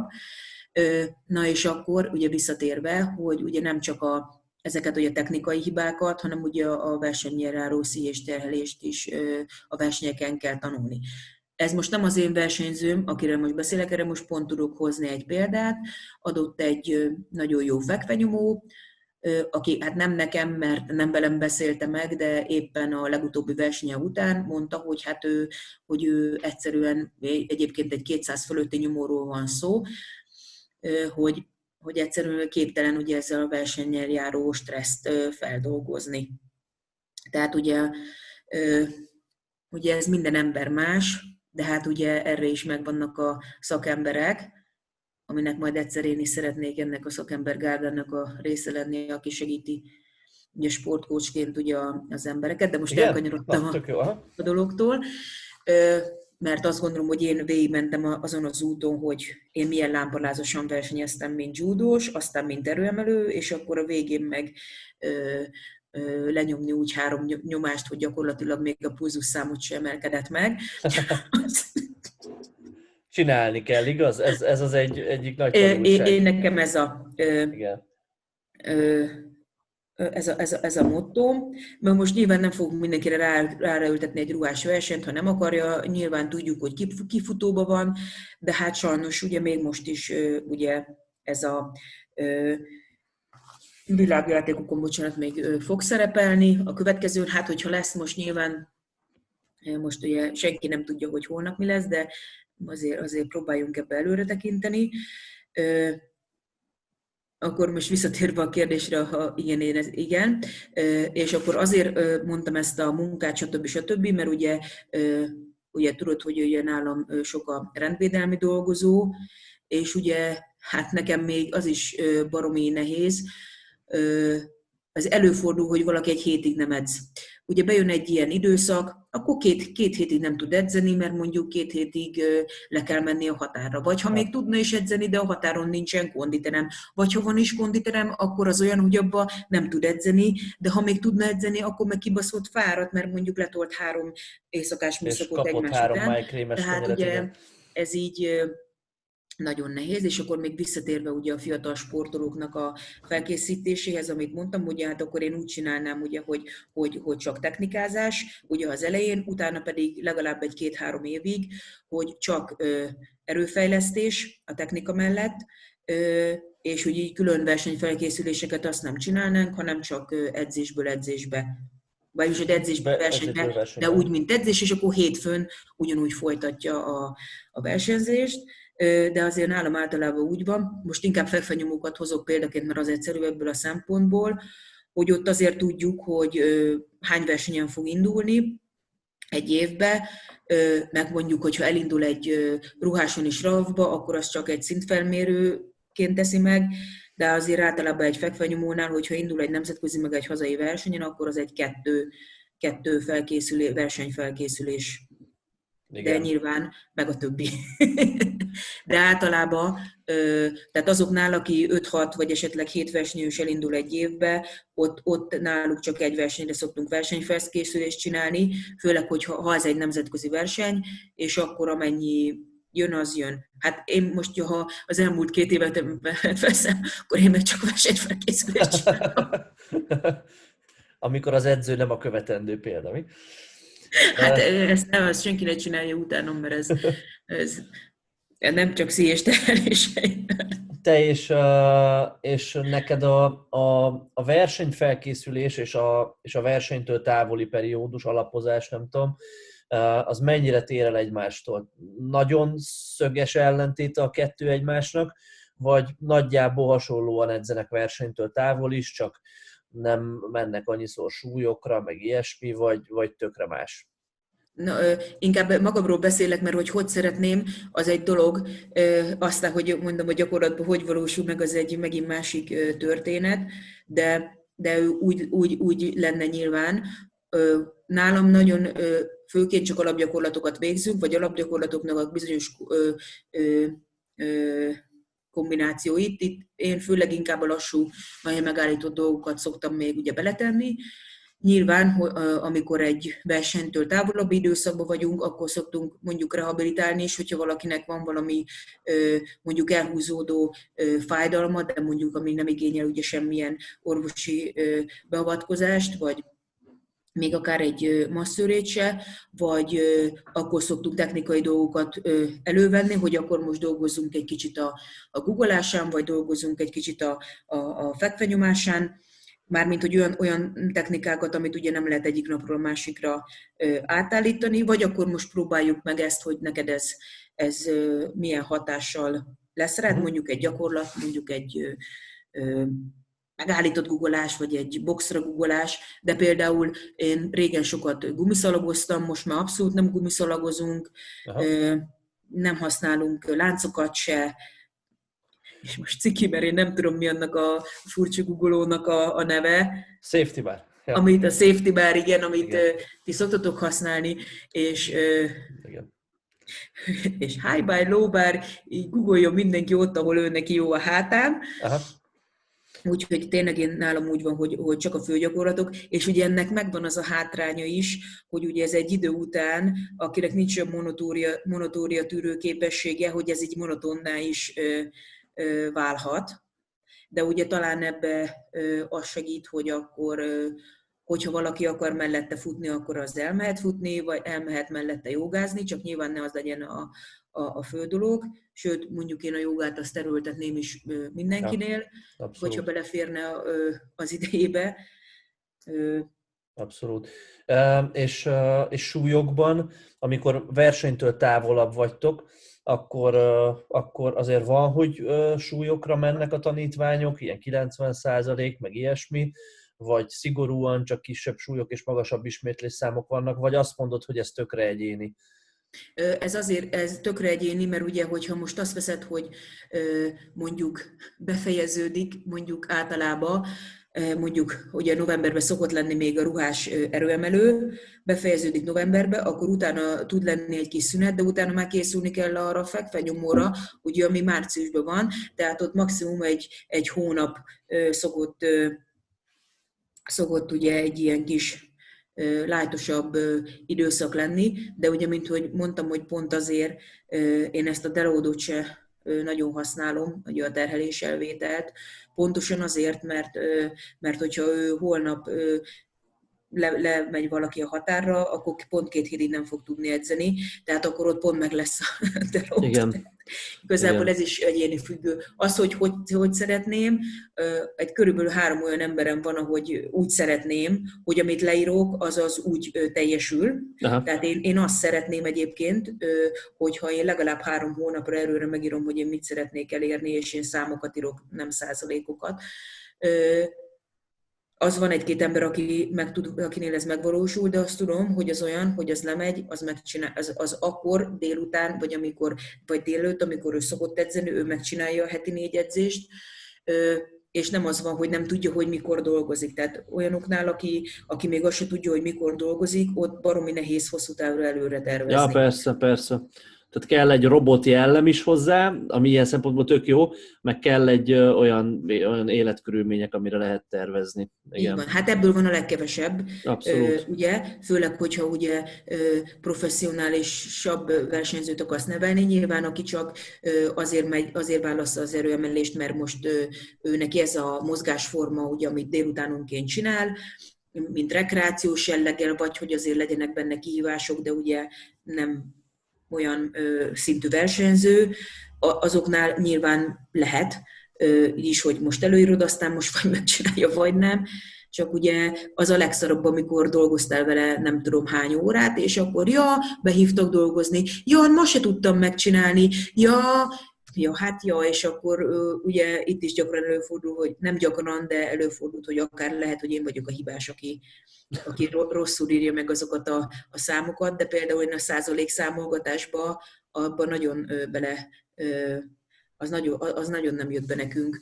Aha. Azt egy időben csináltam, még nagyon régen, akkor százalékokat számolgattam, de az, az, az, az nem. Tehát itt is be kell látni, hogy, hogy nem, hogyha nem működik, akkor el kell attól szakadni.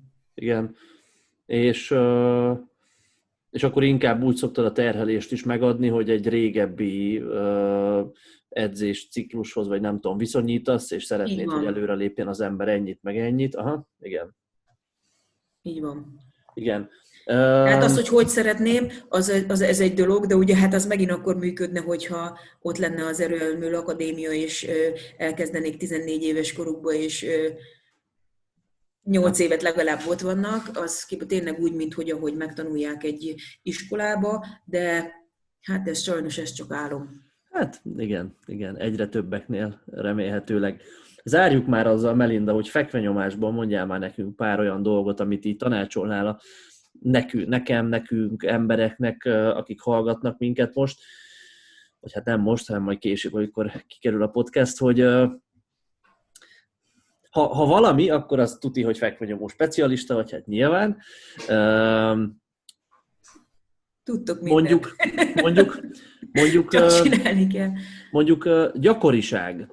Szeretnek az emberek elég gyakran fekve nyomni, hogyha a fekvenyomás fókuszban van. Ezt te is azt látod, hogy, hogy azért, azért a, a, a legtöbb embernél idővel jó, hogyha heti kettő fekvenyomás helyett hármat csinálunk, aztán három helyett négyet, vagy, vagy ezt, ezt azért te nem osztod ennyire? A fekvenyomás az nálam úgy van, hogy, hogy az, az, az, az minimum azt szeretem, hogyha négy, Aha. Aztán, hogyha három, akkor már, már örülök. Tehát egy, egy, egy fekvenyomónál, aki csak fekvenyomóra készül, nyilván ugye ez, én azt szeretem, ha négy. De ugye ezt nem mindenki tudja teljesíteni, nyilván ugye a körülményeire tekintettel, meg ugye nem is mindenki ugyanannyit bír, de én például, amikor a VB-re készültem, én 5-6-szor nyomtam Aha. fekve. De ez én vagyok. Tehát ez megint olyan, hogy lehet, hogy a, a Mariska, ő, neki három edzés is elég, de lehet, hogy neki kilenc kell. És a, és a nagyobb súlyú srácoknál egyébként, mert azért vannak kétszázas fekvenyomóid, vagy egy egészen biztos, azt tudom. Én né- négyet szeretek, valaki meg is csinálja a négyet, valaki csak hármat, vagy van olyan, aki egyik héten hármat csinál, másik héten négyet. Tehát nem értesz egyet azzal, hogyha azt mondanám, hogy ha egy olyan férfiról van szó, azért mondok férfit, mert nagyobb bizomtömeg, nagyobb használt súly, hogy ők már hogyha ha tényleg erős valaki, akkor ott regenerációs korlátokba ütköznek a heti négy nyomással. Egy, egy erős férfi is, mondjuk nálad a fejgül Pisti, ő is négyszer nyom hetente. Igen, de ugye ő neki az ö, akkor nem úgy van, hogy ö, hogy ö, nyilván nem ö, minden négy napon csúcsra megy, tehát ugye abból kettő kis súlyedzés, vagy éppen egy, éppen ahogy, ahogy kijön. És Tehát ezeket ugye... a kis súlyú edzéseket, bocs, hogy ennyi így közbevágok meg, ezeket a kis súlyú edzéseket van, hogy, van, hogy tényleg olyan mert én azt látom, hogy a kisúlyú edzéseknél általában kétféleképpen szokták az emberek programozni, vagy azt mondod, hogy valamilyen variáció, egy tényleg francia rudas szűknyomás, vagy ferdepados nyomás, vagy valami ilyesmi, és ilyen 6-8 ismétlésekkel, és ilyen pumpálósan, vagy azt mondom, hogy tényleg ilyen ilyen kis súlyos robbanékonyságra alapozó edzés, amikor tényleg csak, mit tudom én, 60% körül is úgy használsz, az jó gyorsan mozgatott, 3-4-5 ismétlésre, és csak ilyen regeneráló jellegű edzés. Hogy te melyiket szoktad inkább, ha kis Én regeneráló jellegű, de hát az se 50% a, a kisült azt úgy, és hogy mondjuk tud belőle 5 nyomni, és mondjuk az ötödiknél még nem hal bele abba, hogy kinyomta az ötödik sorozatot. Aha. Tehát ugye az is egy nagyobb az is egy nagyobb súlyú, csak úgy kis súlyú, hogy mondjuk egy piramis nyomáshoz képest ami ja. ugye nem piramis, csak egy felfelé menő, csak a felfelé menő ága. Nem tudom, hogy ezt a nálatok a, hogy, hogy, hogy, hogy, hogy hívjátok. Én is ezt piramisnak szoktam sokszor. Pedig De ugye ez, sokszor rögök rajta, mert ez nem piramis, nem, nem. hogyha visszafelé nem jön, csak ja, hogyha ja. fölfelé megy. Igen. Úgyhogy ugye ez, ez mindenkinél más. Tehát az a baj, hogy, hogy, hogy ez nekem előnyöm, talán meg hátrányom is, hogy próbálok mindenkire külön tervezni, de, de Én azt gondolom, csak így lehet. Én például a kiegészítő gyakorlatokra nem fordítok ak- akkora, ö, akkora ö, figyelmet, vagy, főleg a, a ilyen fejpisti típusú versenyzőknél. Ö, mert ugye ők, ő benne már van mondjuk tíz év edzés munka, tehát én azt gondolom, hogy tudjuk, hogy mi a hiányossága, és akkor ugye ő azt magának tudja. Aha. De az, az mindenképp igaz szerinted is, hogy a, mondjuk a nagy nyomás az nem a, mit tudom én, sok tricepszezéstől, meg ilyesmitől nem. lesz, hanem a sok fekvenyomástól lesz a nagy én nyomás. Én azt gondolom, hogy igen. És ezt most mondhatom, hogy szerintem ezt a Kubatov Géza is meg tudna erősíteni, aki aki ugye mindig azt szokta mondani, hogy, hogy a fekvenyomást a fekvenyomással lehet a legjobban edzeni. Hát ez nekem is ez a véleményem, hogy most csinálhatok én nem tudom milyen, hogy mondjam, milyen korrekciós gyakorlatokat, hogyha mondjuk megcsinálunk egy mozgásszűrést, hát az tök jó, mert lehet, hogy mondjuk jobban fogok tudni tőle ülni a széken, vagy kevésbé fog, hát, vagy kevésbé fog fájni a hátam egy, a kocsi vezetés közben, de hogy fekve nyomni nem fogok tudni jobban tőle, az abba biztos vagyok. Ja, ja, ezt tetszik. Ki most nyilván... mindig vágni, tudod, ilyen kis izé részeket a podcastban, egy perces ilyen beharangozónak, na ez most ez lesz. ja. Úgyhogy, úgyhogy elbírják ők is ezt a, a nagyobb súlyú férfiak is ezt a Belinda féle terhelést, és de én tudom, hogy vannak olyan más nagy súlyú férfiak, akik csak kétszer nyomnak fekve, és akár azt csinálják, hogy kétszer felmennek mind a kétszer maxra, vagy egy max körüli nyomásra, és csak kiegészítőket csinálnak. De ugye ha jól ez emléksz, is, hogy Bocs. hogy kinek mennyi edzésmúlt van mögötte. Tehát ugye, hogyha már van tényleg egy 10-15 év, akkor ugye ő már el tudja dönteni, hogy lehet, hogy ő neki csak ennyi fér bele. Igen. Vagy nem akar annyit nyomni, mert monoton. Tehát ugye ez is benne van. Igen. Azt hiszem a Berkel úri azt mondta nekem, ő csak heti kétszer nyom. Ja. Igen, én is onnan vettem a példát, hogy ő csak igen. E kétszer nyomnak fekve, hát most ezt mondják nekünk, aztán lehet, hogy tízszer, lehet, hogy tízszer, de ugye a régi iskolába, tehát a, a, a badis iskolába ott, ott, ott is szerintem csak kétszer nyomtak fekve, mondjuk biztos volt olyan, aki háromszor, meg lehet, hogy aki csak egyszer, de hogy egyszer nyomni, az biztos, hogy kevés. Igen, igen. A minimum kettő az én is azt gondolom kell, de inkább a három, és akkor onnantól kezdve én azért szokt, én szoktam azt tapasztalni, hogy a három vagy a négy az sok embernek nem oszt, nem szoroz, aztán van, akinek a négy az sokkal jobb lesz. Hát igen, ez az, amit meg ki kell tapasztalni. Kiegészítő gyakorlatok, vagy nem is, na, variációk terén deszkás nyomást, te mennyire szereted? Én a deszká, régen csináltuk nagyon sokat, de az se váltotta be ugye a hozzá fűződő reményeket, ugye, hogy azt a részét legalábbis, hogy most a nyomásodnak a bizonyos szakaszait edzed.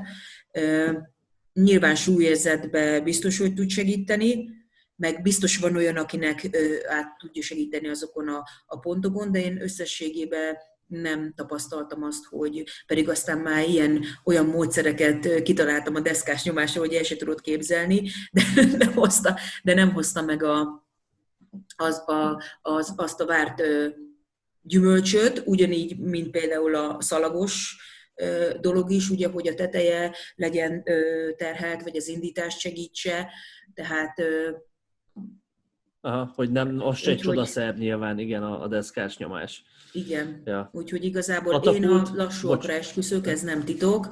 Aha. Mind a googolásba is, mind a fekvenyomásba is.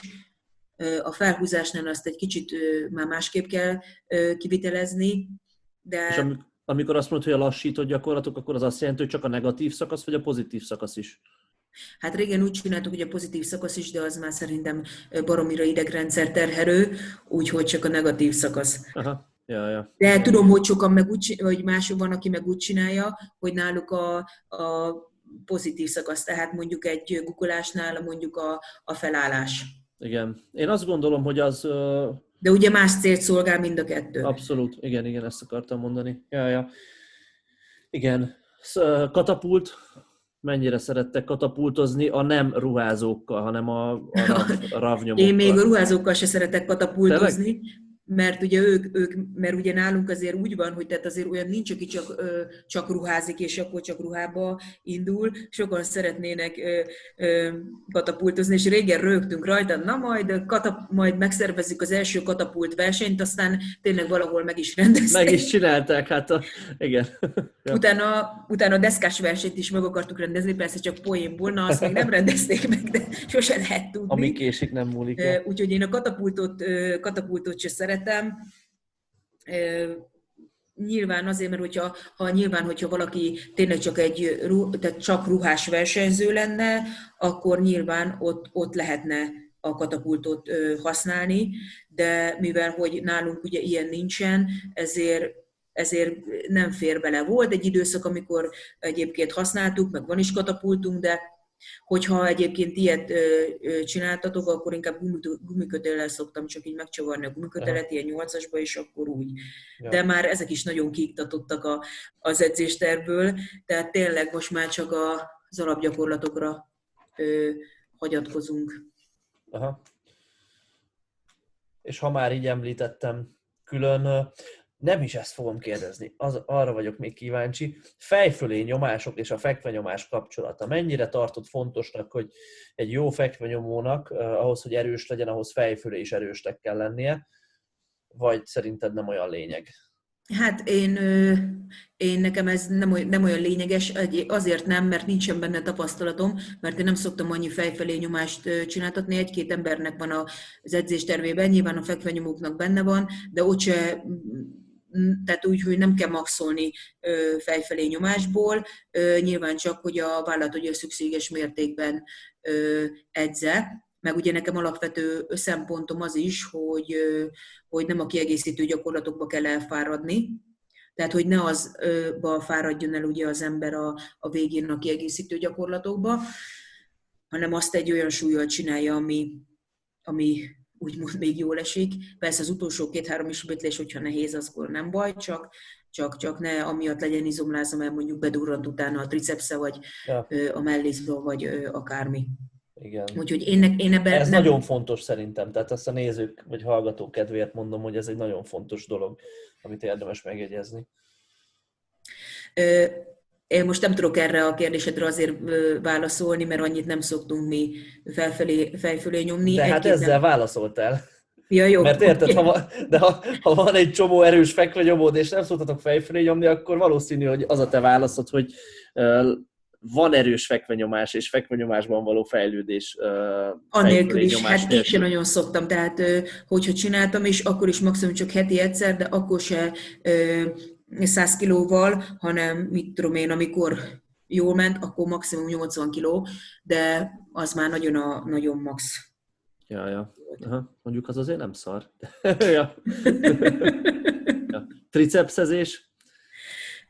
Én, én a tricepset az fontosabbnak tartom, tehát ugye, de megint attól függ, ugye, hogy kinek, ugye, hogy ki, egyrészt, hogy ki hogy nyom, mert ugye akinek már van heti két szűk nyomása, akkor az már azt gondolom, hogy megfelelő szinten edzi a, a tricepset, persze azért még kiegészítő triceps gyakorlatokat azt lehet végezni, meg ugye itt megint attól függ, hogy ki erőemelő, meg ki fekvenyomó, mert az erőemelőknél azért ezt, ezek elsikadnak, jobban els, az erőemelőknél jobban elsikadnak ezek a kiegészítő gyakorlatok, akár bad is, akár funkcionális edzés. A, a fekvenyomóknál ott azért ott több van, nyilván. Több idő is van rá, igen, meg energia. Így van. Ja. De ugye nekem például van olyan versenyzőm, aki, aki ö, lejön hozzám heti ö, kétszer edzeni, és akkor ugye ott napi programozást kap, és ö, különben meg ő még edzheti háromszor, azon kívül éppen amennyi ideje van, de akkor ő olyan kiegészítő gyakorlatokat edz, ami neki jól esik. De ez is működik. Aha, persze, persze. Hogyha egy tapasztaltabb emberről van szó, igen, akkor én is ennek a híve vagyok, hogy ez, ez beleférhet.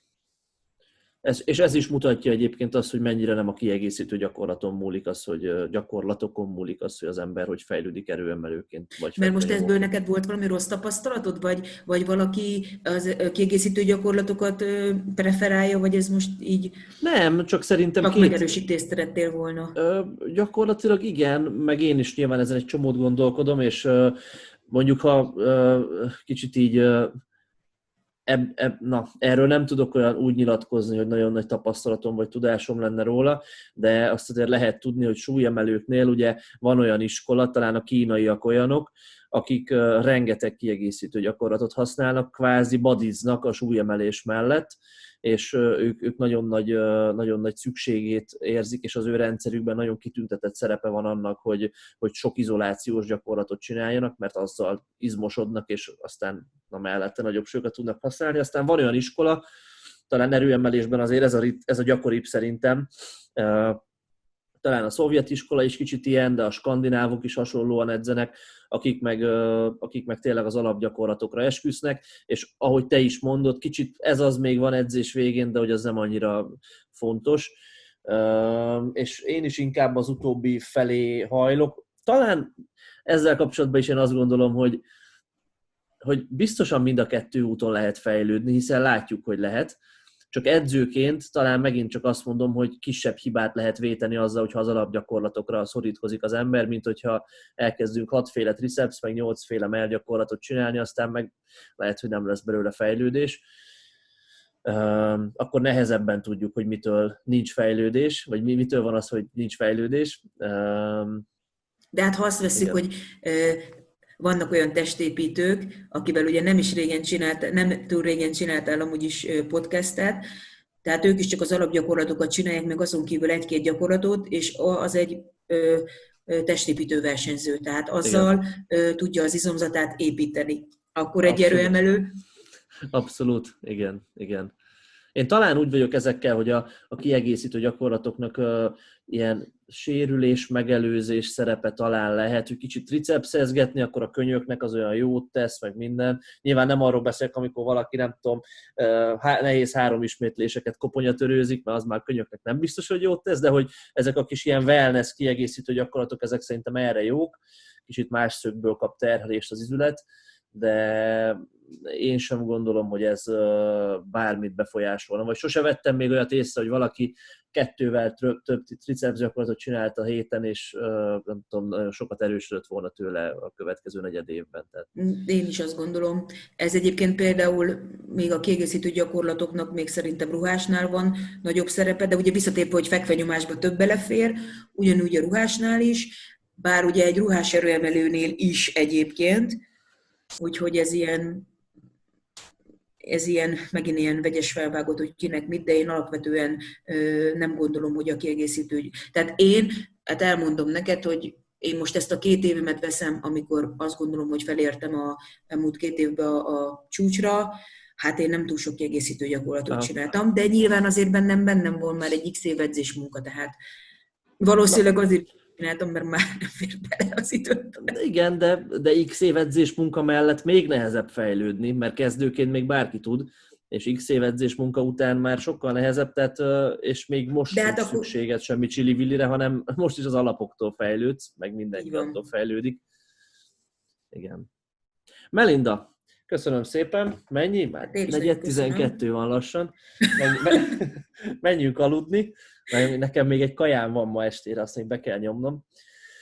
Jó étvágyat kívánok! Köszönöm szépen, köszi, hogy itt voltál, tényleg tök jó volt. Köszönöm a meghívást. Aztán sok sikert az Erőemelő Akadémiának. Hol találhatnak meg a, a nézők, hallgatók titeket a különböző felületeken, meg milyen néven, meg hogy keressenek? Ja, a honlapunk címe az erőemelőakadémia.hu, a Facebook címünk az egyszerű, az Erőművek Rekreációs és Erőemelő Sport Egyesület, de talán, hogyha azt beírja valaki, hogy erőművek, akkor már kiadja úgyhogy fizikailag pedig most költöztünk új helyre, a 19. kerület garázsgyimbe, a Hanvas utcába, ez a határút, határútnál van. Illetőleg ugye engem, hogyha a Lombosi Melindát beírnak a Facebookra, akkor szintén fel tudják velem venni a kapcsolatot. Szuper, figyeljétek Melindának a publikációit, mert tök jó, hogy egyre több minden van, meg Instán is aktívak vagytok egyre inkább, meg minden. Szóval, um, szóval ja, Köszi Melinda, köszi nektek Köszönöm is, hogy itt voltatok. Sziasztok! Sziasztok.